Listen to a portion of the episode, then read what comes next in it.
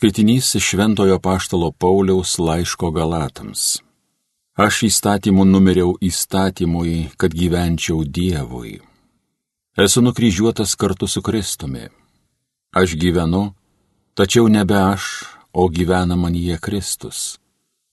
Dabar gyvendamas kūne gyvenu tikėjimu į Dievo sūnų, kuris pamilo mane ir paukojo save už mane. Tai Dievo žodis.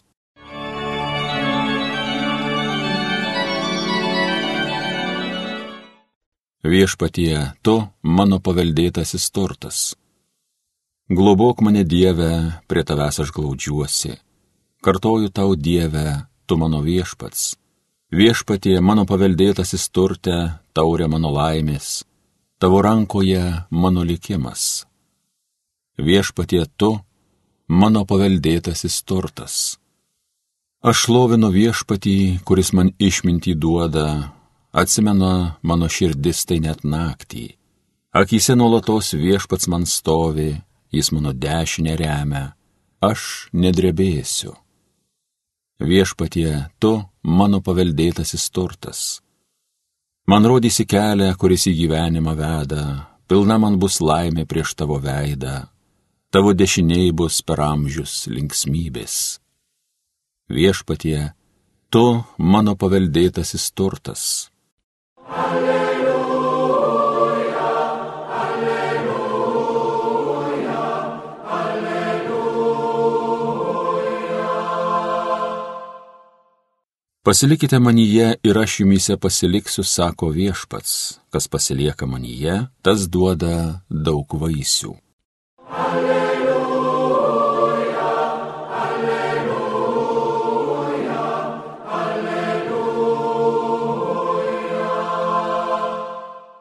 Pasiklausykite Šventojios Evangelijos pagal Joną.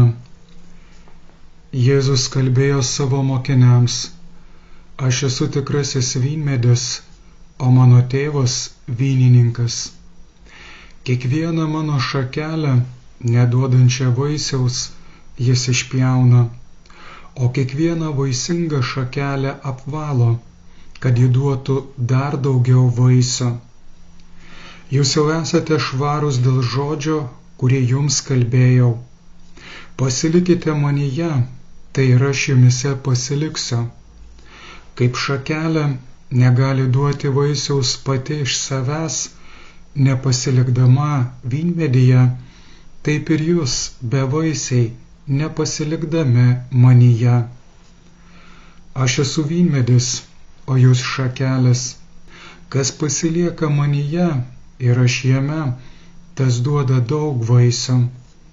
Nuo manęs atsiskyrę, jūs negalite nieko nuveikti. Kas nepasiliks manyje, bus išmestas laukan ir sudžius kaip šakelė. Paskui surinks šakeles, įmes į ugnę ir jos sudegs. Jei pasiliksite manyje ir mano žodžiai pasiliks jumise, Jūs prašysite, ko tik norėsite, ir bus jums suteikta.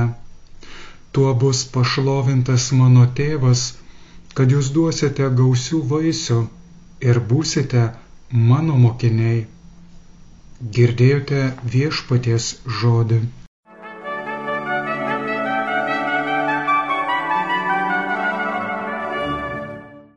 Jėzaus mokyme dažniausiai atsispindi to meto kasdieniški gyvenimo pavyzdžiai.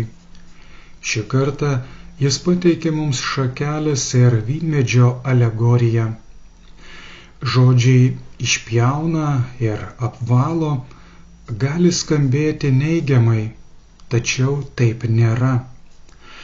Vynininkas taip elgdamasis pasitikė šią atžalą ir žino, kad ji gali atnešti vaisių jeigu jis jos neapvalys, vynmedžio gale išsieikvos ir galbūt užderės daugiau vynogių kekių negu įprasta, tačiau uogos bus smulkios ir rūkščios, o vyno gradacija žema.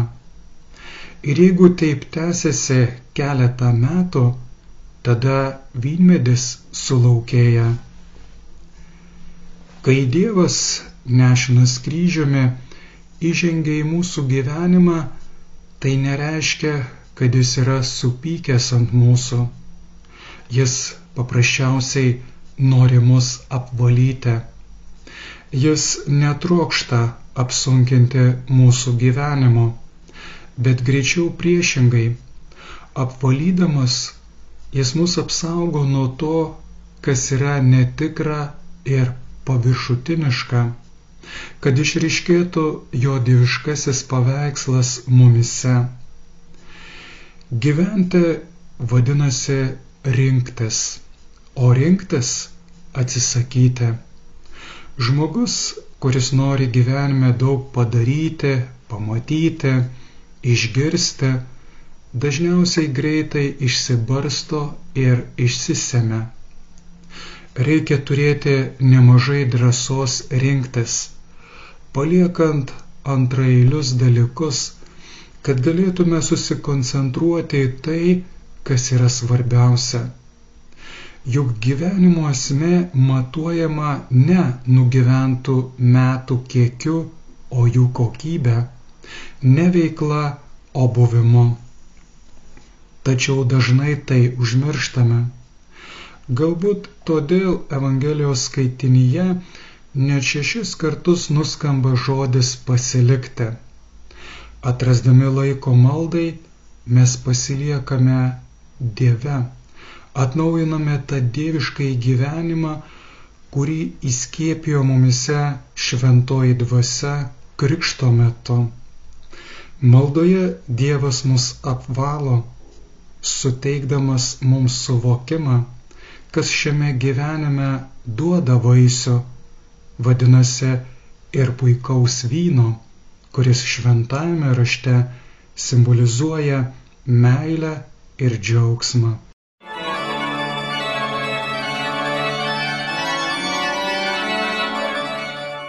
Homilyje sakė brolis pranciškonas kunigas Ramūnas Mesgiris.